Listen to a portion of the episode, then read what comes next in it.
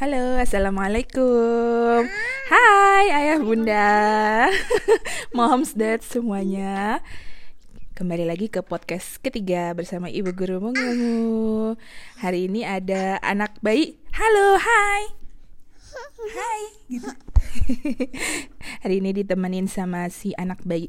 Nah, eh buat tema podcast ketiga masih nyambung tentang karantina yang sekarang lagi banyak ada di mana-mana anak-anak sudah diliburin sekolah.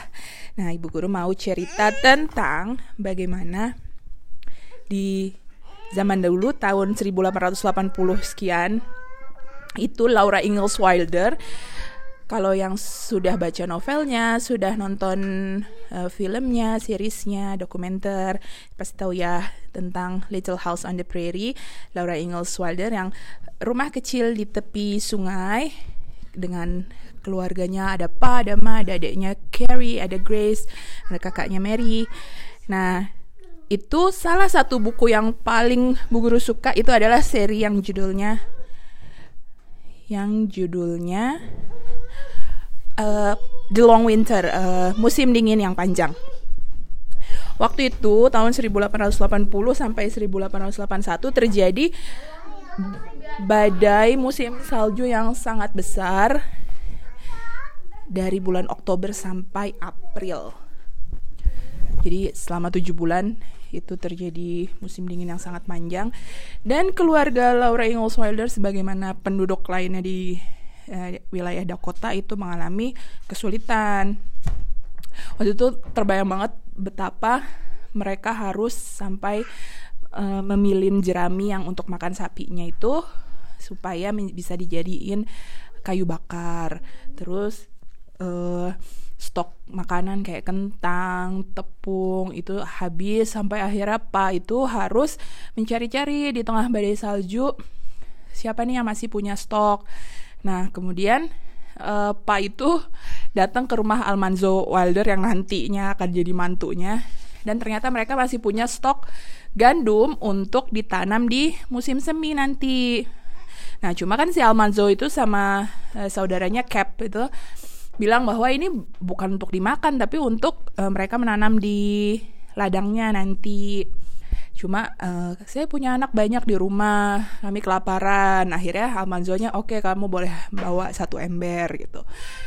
Bawalah uh, pak ke rumah si gandum yang tadi itu belum dalam bentuk tepung kan berarti belum bisa diolah nah ma di rumah cuma punya uh, penggiling kopi kecil gitu nah jadi untuk bisa mengolahnya jadi roti harus terus muter digiling dengan alat penggiling kopinya itu. Jadi pokoknya itu a very harsh winter. Kemudian mereka semua satu keluarga harus bertahan selama tujuh bulan. Jadi namanya karantina 14 hari yang disuruh diam di rumah 2 sampai 3 minggu itu dulu belum ada apa-apanya dibanding saat benar-benar 7 bulan tidak bisa ke mana-mana sampai ceritanya panjang kan ya itu sampai kemudian Almanzo Wildernya um, mempertaruhkan nyawa untuk mencari katanya di daerah sana jauh itu ada orang yang masih punya stok gandum banyak gitu eh, sampai kudanya terprosok segala macam. Nah, ini dulu ibu guru bacanya waktu kecil. Dan sampai sekarang bahkan sampai umur berapa masih suka baca lagi beberapa seriesnya Laura Ingalls Wilder karena termasuk salah satu uh, novel sastra klasik yang suka diulang-ulang beberapa kali.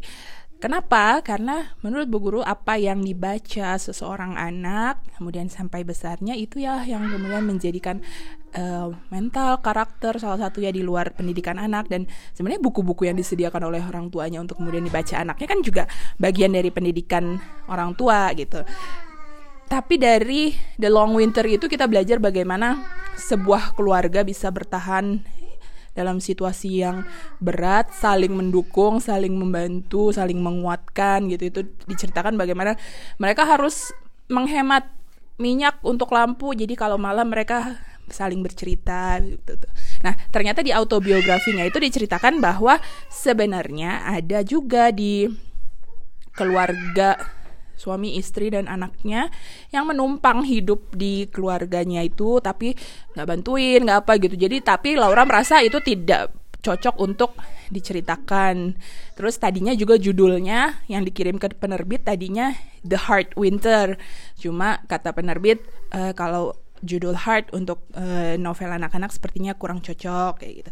Nah, ini juga memang uh, salah satu yang kemudian membentuk mentalnya bangsa Amerika gitu karena namanya sastra yang dibaca kemudian ikut tumbuh itu yang membentuk juga karakter mereka Uh, makanya kan uh, novel-novel Laura Ingalls Wilder termasuk anaknya pun akhirnya menjadi penulis kan yang Rose itu. Uh, menjadi keluarga pioneers pioneers ya. Jadi uh, Amerika kemudian mendapatkan spirit gitu. Salah satunya itu dari dari bagaimana mereka bertahan hidup membangun kota membangun ladang membuka ladang gitu. Jadi seperti juga misalnya kalau di Inggris uh, Sir Arthur Conan Doyle dengan Sherlock Holmes-nya, kemudian di Jepang dengan Doraemon-nya, atau di Indonesia apa ya uh, sastra-sastra klasik anak-anaknya yang yang dibaca tuh apa gitu. Jangan-jangan uh, legenda-legenda seperti bawang merah bawang putih, sangkuriang itu yang lebih melekat pada anak-anak. Uh, Ibu guru uh, menyarankan bahwa kita harus benar-benar menseleksi, menyeleksi apa yang dibaca oleh anak-anak kita karena itu yang kemudian menjadi uh, salah satu yang menguatkan pada nantinya ketika anak-anak kayak misalnya sekarang nih kebayang-bayang aja ih nyaman sekarang mah karantina ya dalam tanda kita nggak bisa ke mana-mana tapi kalau beli online masih bisa terus stok di uh, kulkas misalnya masih ada zaman dulu kan untuk menyimpan sesuatu dalam jangka waktu panjang aja sulit gitu. Mereka harus eh, membuat daging asap atau menyimpan di bawah tanah. Banyak banyak metode-metode yang uh, pengawetan makanan kuno lah tidak bisa seperti sekarang. Kita mau masak nasi aja tinggal naro air kasih uh, apa namanya air satu ruas jari cetek selesai nunggu setengah jam mateng gitu kan. Uh, taruh di oven selesai. Ya dulu juga ada oven ya cuma kan nggak kayak oven dengan timer zaman sekarang gitu. Pokoknya sekarang itu alhamdulillah kita sudah hidup dalam masa yang sangat mudah jadi ya kita manfaatkan dengan uh, kesempatan untuk tadi itu menguatkan um, saling dukung dengan keluarga sehingga masa-masa ini menjadi eh, momen-momen uh, yang berharga bagi keluarga. Oke, okay, terima kasih moms and dad, bunda, ayah sekalian. Uh, see you on the next podcast. Bye bye.